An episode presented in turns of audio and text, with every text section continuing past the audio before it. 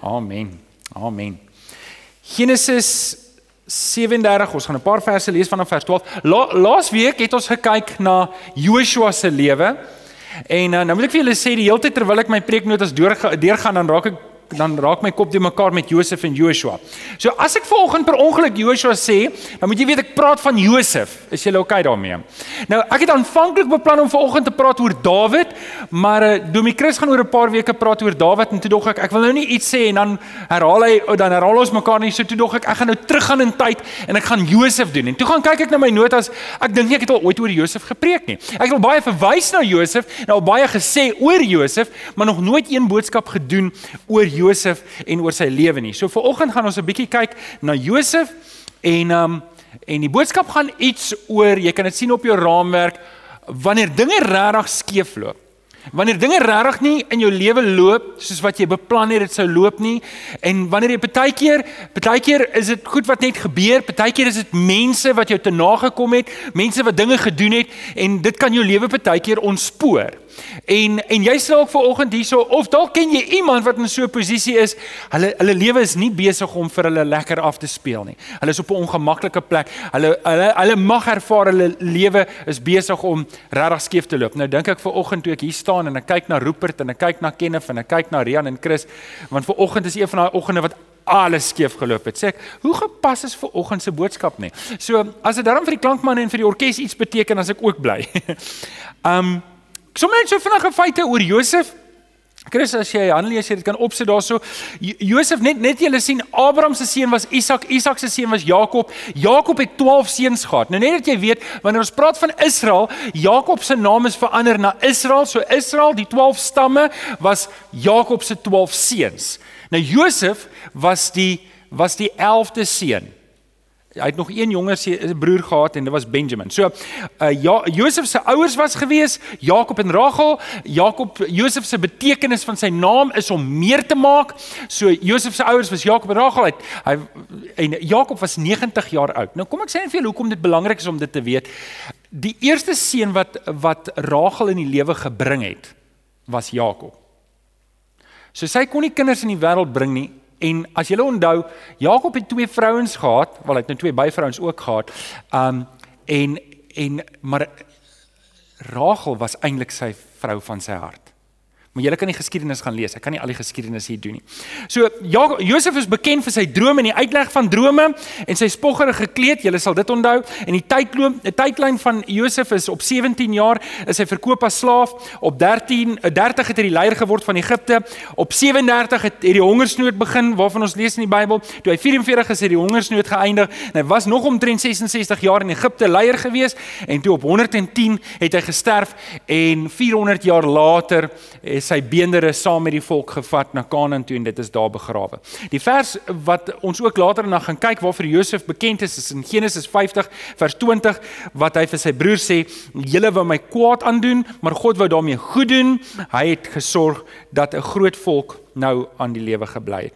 Nou net net daai agtergrond. Ek wil hê julle moet saam met my lees in Genesis 37 en jy sal sien op jou raamwerk is daar elke keer 'n teksgedeelte. En ons gaan nie al die teksgedeeltes kan lees nie, soos jy kan sien daarso, maar ek wil jou vra as jy hou daarvan om verdere studie te doen, jy kan die hele storie van Josef gaan lees en net net net om jou 'n bietjie agtergrond te gee, Abraham se storie in Genesis vat 13 hoofstukke.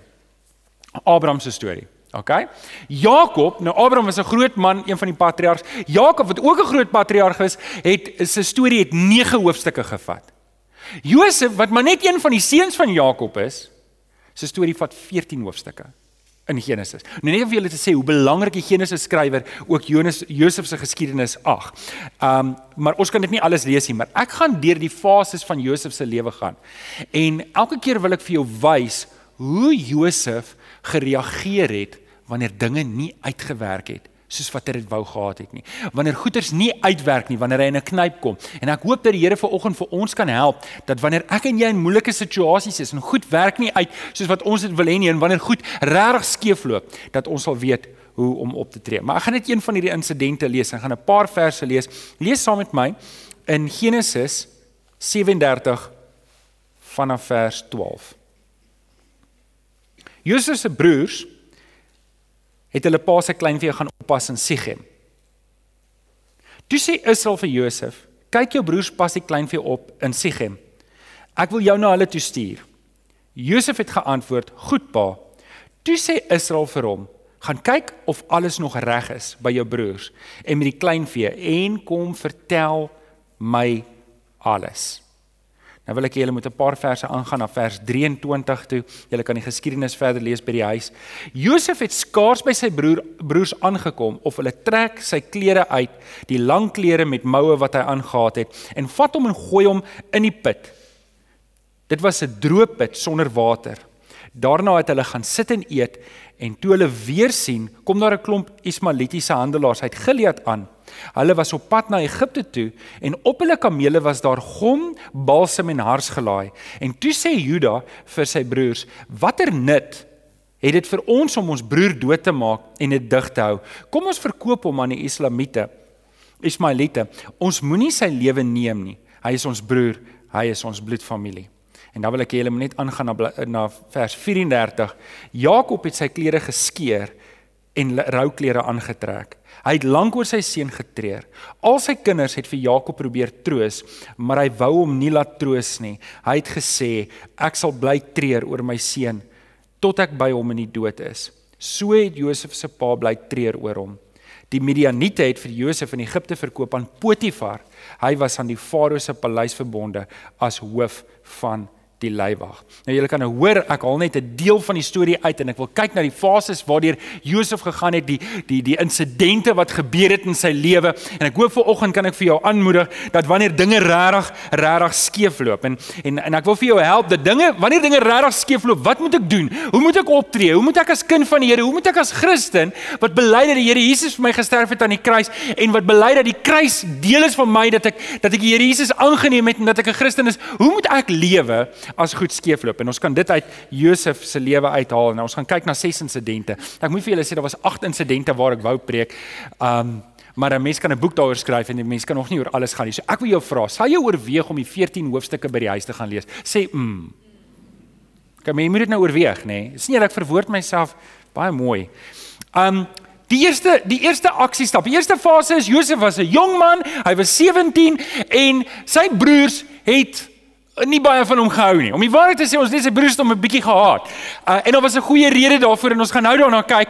En op 17 word hy as 'n slaaf verkoop as 'n jong man. En ons lees in Genesis 37 vers 13 tot 14 hierdie insident van toe toe sê Israel vir Josef, "Kyk, jou broers pas die klein vee en Sichem op. Ek wil jou na hulle toe stuur." En Josef het geantwoord, "Goed, pa, ek sal dit doen." En toe sê Josef vir hom, "Gaan en kom vertel my alles wat hulle doen." Nou dit klink vir ons met die eerste lees asof Josef net regtig 'n klikkie bek was. Wie van julle hou van klikkie bekke? Ek weet nie van julle ouers as jy 'n storie aangedraai het nie, as jy jou ma vir jou gesê het, "Soek jy nou 5 sent vir jou storie." Ek kan nou nog nie verstaan wat dit beteken nie. Maar ek is gewoonlik nie die een wat die stories aangedraai het nie. Ek is die een oor wie die stories aangedra is. Maar daar's 'n rede hoekom Jakob dit doen, want net in Genesis 34, 'n paar hoofstukke vroeër, het het hierdie verskriklike ding gebeur van Dina. Julle kan dit gaan lees hoe hoe Dina Sichem se Sichem met met Dina geslaap en dit mag nie gebeur het nie en en en die broers was briesend daaroor dat hulle hierdie oneer aan hulle, hulle suster gedoen het en toe gaan toe gaan van die broers en hulle gemaak die hele Sichem en sy hele familie dood. So met ander woorde, hierdie broers was in staat tot baie kwaad. En as as as Jakob vir Josef stuur en sê gaan kyk of jou broers weet nie weer ek wil nou sê katte kwaad, maar dit wat hulle aanvang is baie meer as katte kwaad. Um kyk net en kom vertel my alles wat ek net weet. So Josef was net gehoorsaam aan sy pa. So die eerste ding wat ek wil hê jy moet op jou raamwerk skryf daarso is wees gehoorsaam. Wees gehoorsaam. Wees gehoorsaam. Josef was gehoorsaam aan sy pa, maar ons moet gehoorsaam wees aan die Here. In Psalm 40 vers 7 staan daar: "Dis nie diereoffers of graanoffers wat u wil hê nie. Nie brandoffers of sondeoffers wat u vra nie. U wil gehoorsaamheid hê." Kan ek volgens vir jou vra, sal jy bly gehoorsaam wees aan die Here al kos dit jou werk? Al kos dit jou finansiële voordeel? Sal jy gehoorsaam bly in die Here? Al gaan dinge baie keer vir jou swaar. Ek het al mense gehoor wat sê maar my geloof help my niks nie. Dit gaan swaar met my en en en hoekom moet ek nou gehoorsaam wees aan nie? En dan dink ek, weet jy wat jy praat nie van uit 'n verhouding met die Here so nie. En vriende, as jy hier is en jy kry swaar en en, en jy's in 'n knyp, wil ek jou volgende kom aanmoedig om nie jou rug te draai op die woord van die Here nie en nie jou rug te draai op die werk van die Here in jou lewe nie om nog steeds gehoorsaam te wees. Ek het 'n ruk terug met 'n man gepraat en die man het vir my gesê, "Luister, ek gaan vir 'n tyd lank gaan ek jou nou nie meer sien nie." weet ek ek gaan nie ek gaan nie meer kerk toe kom nie. Ek het goed in my persoonlike lewe wat ek moet uitsorteer. So ek ek moet net hierdie goed doen. En ek vra toe vir my, gaan jy dit sonder die Here doen? Gaan jy dit sonder die Here doen? Hy sê my sê maar weet jy wat ek moet dit net uitsorteer. En en hierdie een ding wat ek en jy moet vasmaak in ons lewe. Ek en jy moet 'n besluit neem voor die tyd dat ek gaan vashou in die Here Jesus. Maak nie saak hoe swaar dit in my lewe gaan nie. En ongelukkig vriende sien ek dit baie keer dat wanneer dit begin swaar gaan onttrek mense. Hulle hulle bly weg van die selgroep af, hulle begin wegbly van die kerk af en voordat hulle hulle self kry is hulle geïsoleer. Nou wil ek vir julle sê, hierdie 14 hoofstukke van Genesis lees ons niks van die duiwel nie. Ons lees niks van die duiwel nie. Partykeer dink ek ons gee die duiwel hopeloos te veel krediet.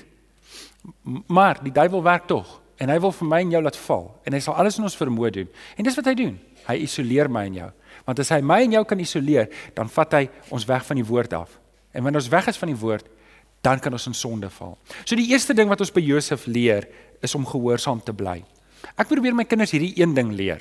En partykeer as jy 'n ding genoeg vir jouself herhaal, dan dink jy dis joune, né? Nee? So ek dink hierdie is myne, maar dit kan wees dat ek dit by iemand anders gekry het en dit net genoeg vir myself gesê dat ek dink dis myne. Elke probleem is 'n geleentheid om te groei of te stagneer. Elke uitdaging, elke probleem wat in jou lewe kom, is 'n geleentheid of om te groei of om te stagneer. Amen. Amen. Okay, so dit was nommer 1. Nommer 1 is wees gehoorsaam. Nommer 2 wees betroubaar wees betroubaar. In Genesis 39 lees ons en jy kan die teksgedeelte lees 39 tot vers 1 tot 20. Um hy's verkoop aan Potifar, hy's in Potifar se huis en ons leer vinnig dat dat dat Potifar sien maar hier's iets spesiaal in hierdie jong man. Hier's iets spesiaal onthou, hy's so 17 jaar oud. Hy kyk na Pot hy kyk na Josef en en hy sien maar Josef is betroubaar in alles wat hy doen en hy gee sy hele huishouding oor. En op daai oomblik lees ons in vers 5 van toe af het die het die Here die huis van die Egiptenaar geseën. Dit was oor Josef dat die Here dit gedoen het. Die seën van die Here het gerus op al Potifar se besittings, die in sy huis en die in die veld. Nou, dink julle Josef was op 'n lekker plek in sy lewe? Maar sy eie broers verwerp hom. Hulle gooi hom in 'n put. Hulle wou hom doodmaak. Hulle besluit, "Nee, ons gaan hom maar nou nie doodmaak nie. Ons ons gee hom 'n troosprys. Ons verkoop hom as 'n slaaf." Hulle sou niks geld kry as hulle hom doodgemaak het nie.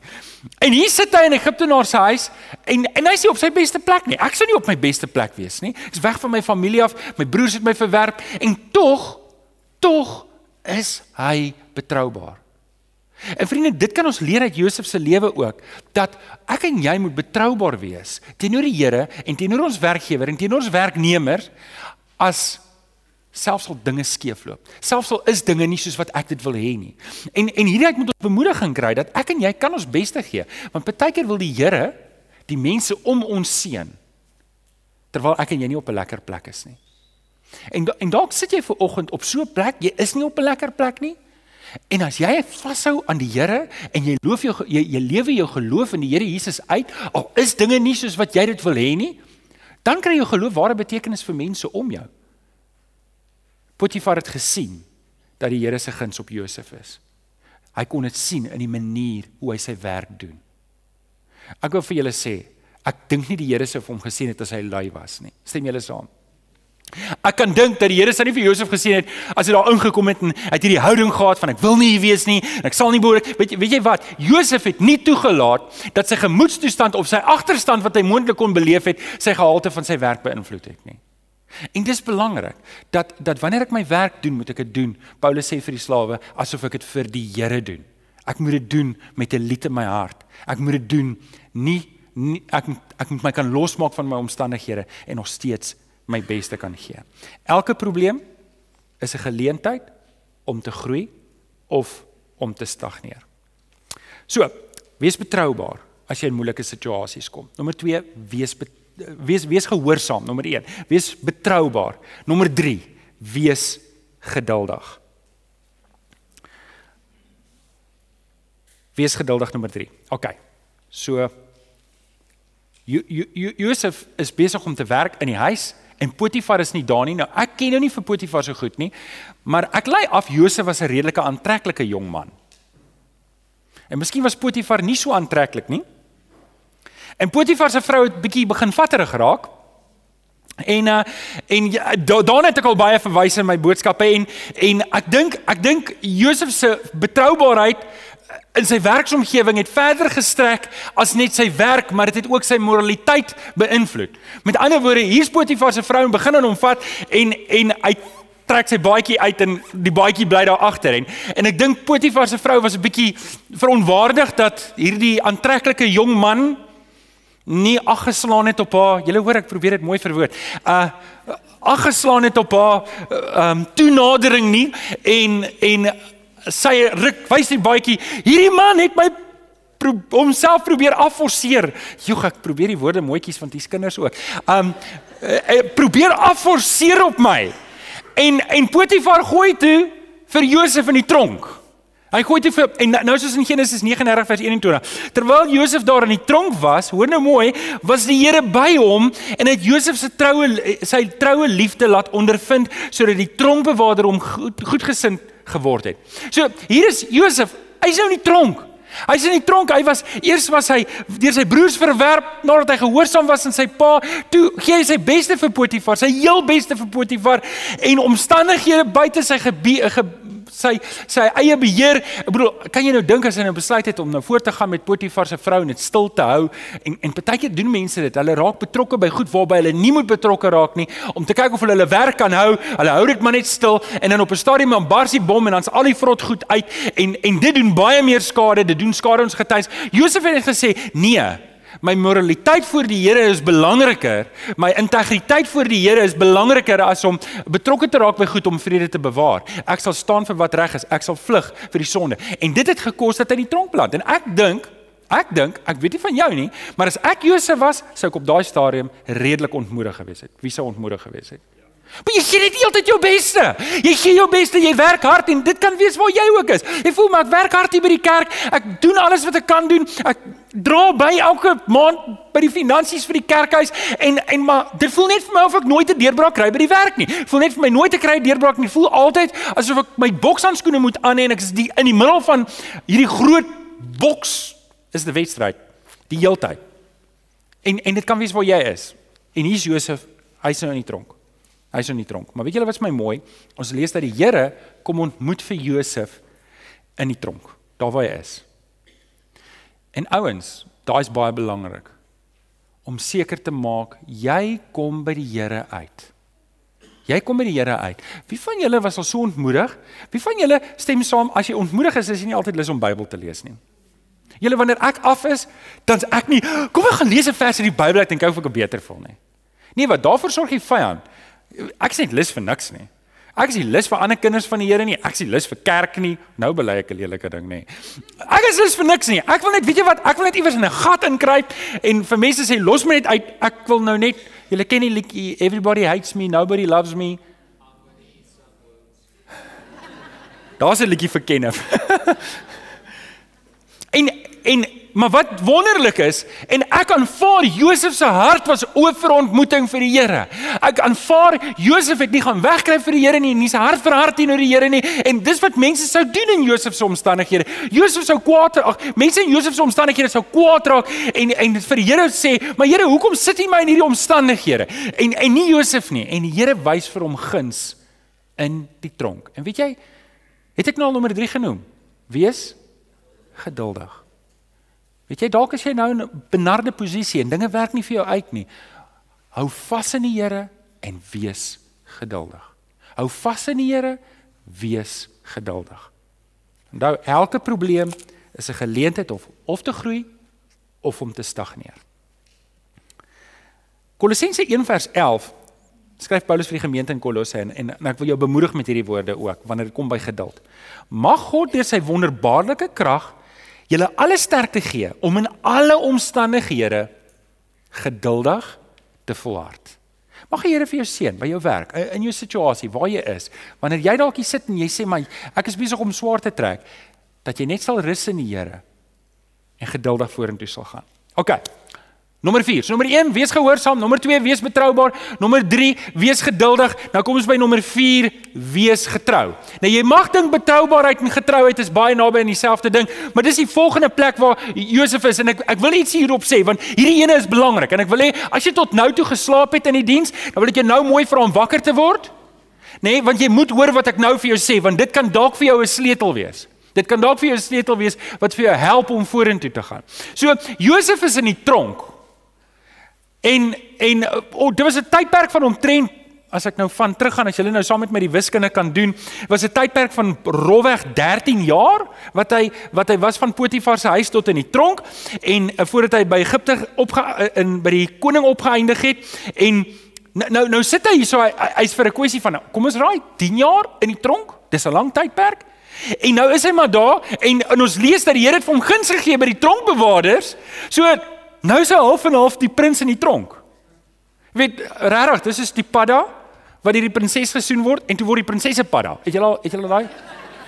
Hey, weet, daar's niks goed daarin nie. Jy weet so om te sê, hoorie, ek is die hoofbandiet oor 1000. Wat help dit jou? Jy's nog steeds 'n bandiet. Verstaan? So Josef is hier in die tronk en hy's aangestel oor die ander tronkmense en dit klink Weet, dis nou net om weet ek in nou in Bloemfontein dan dink ons temas en titels uit want mense doen in kerke en goed wat mense nie daar buite doen nie.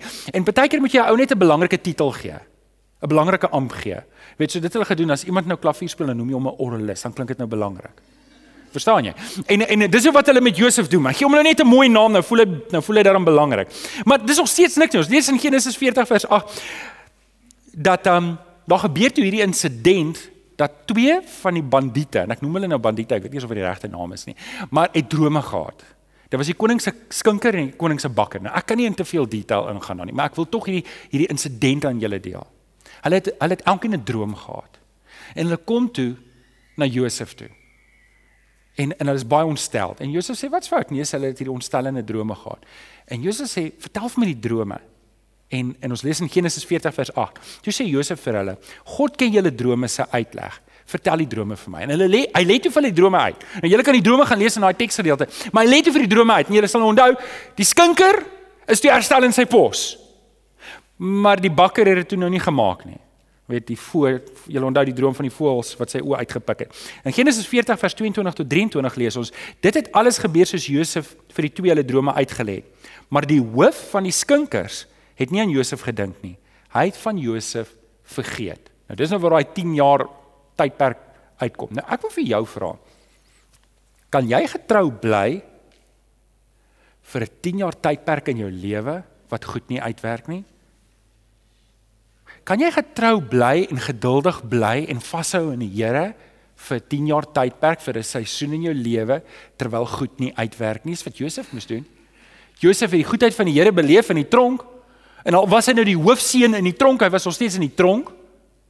En hier is hy getrou in hierdie klein dingetjie. En weet julle, ek kan redeneer. Jy weet, nou is ek in die tronk. Wat wat maak dit nou saak? Wat help dit nou? Ek gaan nou maar net hier sit en ek gaan maar nou die tyd omwag. Maar dis nie Josef se houding nie. Josef maak die beste van wat hy het waar hy is. En en, en eh, dit ek ek hoop dis dis die een gedagte wat by jou hart kan insink vir oggend dat is jy in 'n benoude en benarde situasie en die dinge werk nie uit soos wat jy dit wil hê nie, dan moet jy hierdie een ding begryp. Jy moet net doen wat jy het waar jy is. Jy moet net getrou wees met dit wat jy het. Josef is getrou in die tronk. Dit wat die Here vir hom gee om te doen, dit doen hy. Hy het twee drome van twee een gaan dood en een gaan dit maak en die ou vergeet van hom. En hy's net getrou daarin, maar dis die sleutel vir die res van sy lewe. En nou lees ons nou gaan ons na die volgende ene toe. Die laaste ene.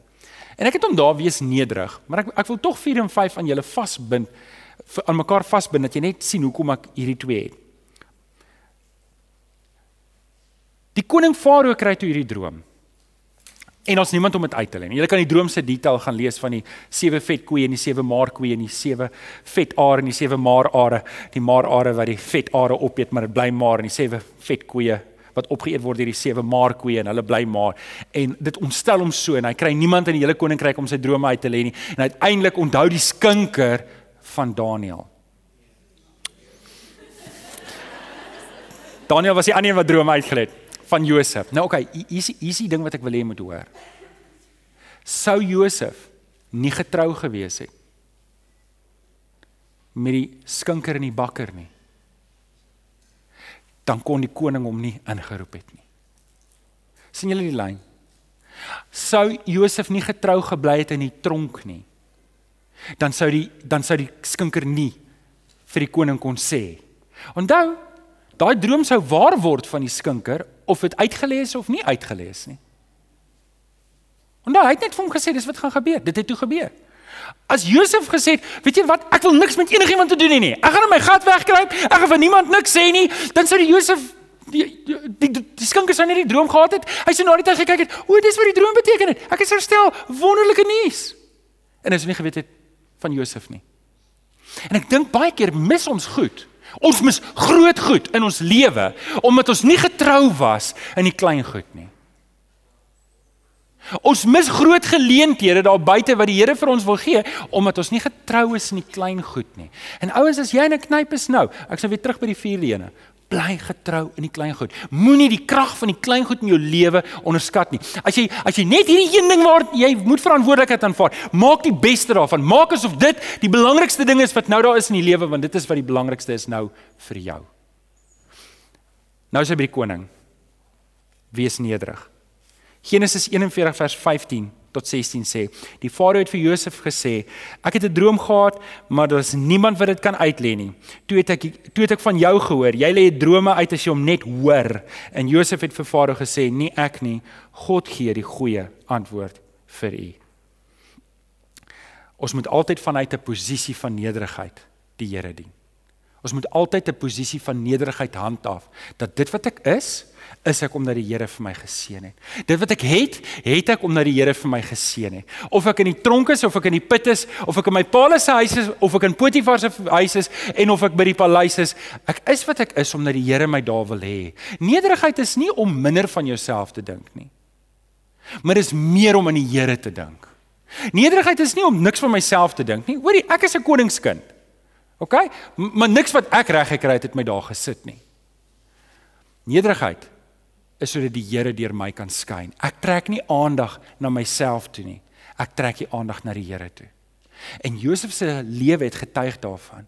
Josef se lewe, die manier hoe hy gehoorsaam was, in in die manier hoe hy betroubaar was, die manier hoe hy geduldig was, die manier hoe hy getrou was. 14 hoofstukke in Genesis herinner ons daaraan dat ons moet nederig wees voor die Here.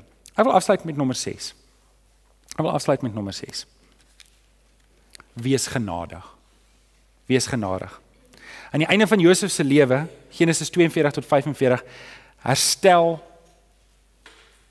herstel die Here Josef en sy broers en sy pa se verhouding. Hulle kom terug. Maar jy moet daai storie lees. Dit is die mooiste storie. Dit gaan jou laat huil, dit gaan jou laat lag, dit gaan alles aan jou doen. Gaan lees dit deur.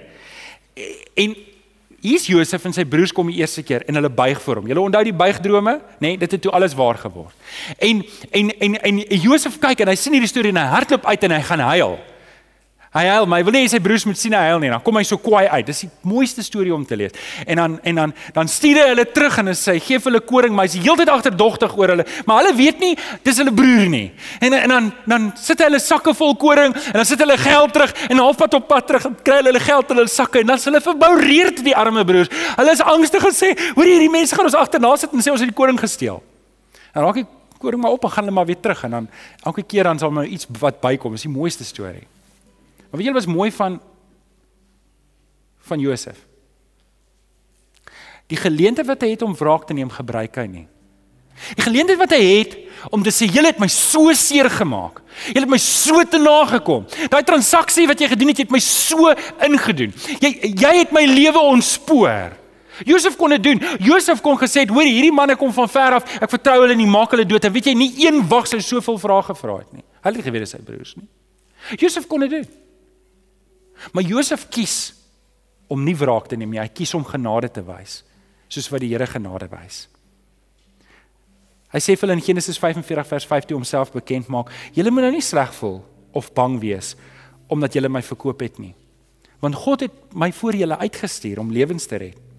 Weet jy, sê die mooi woorde in Genesis 50 vers 20: "Julle wou my kwaad aandoen, maar God het daarmee goed gedoen." Ek wil vanoggend vir jou kom vra. En hiermee wil ek afsluit. Wil jy nie die seer en die stikkend en die kwaad wat in jou gedoen is, vanoggend vir die Here kom gee.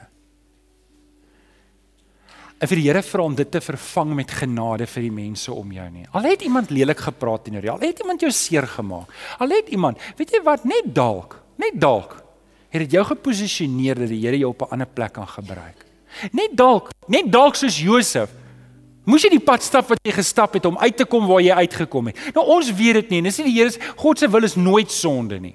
Maar Romeine 8 vers 28 sê dit so mooi: God laat alles ten goeie meewerk vir die wat hom liefhet. So al het iemand kwaad bedoel teenoor jou, al het iemand jou seer gemaak, bring dit ver oggend en sê Here, help vir my om genade te wys. Help my om genade te wys sodat ek kan vry wees dat U my kan seën. Ek wil vanoggend vir jou bid. My gebed vanoggend vir jou is dat die Here vir jou sal vrymaak van enige wrokke of seer of kwaad wat in jou hart is. En dit as jy swaar kry op hierdie stadium in jou lewe dat die Here vir jou daai vryheid sal gee om hom te vertrou in hierdie tyd. Kom ons bid saam.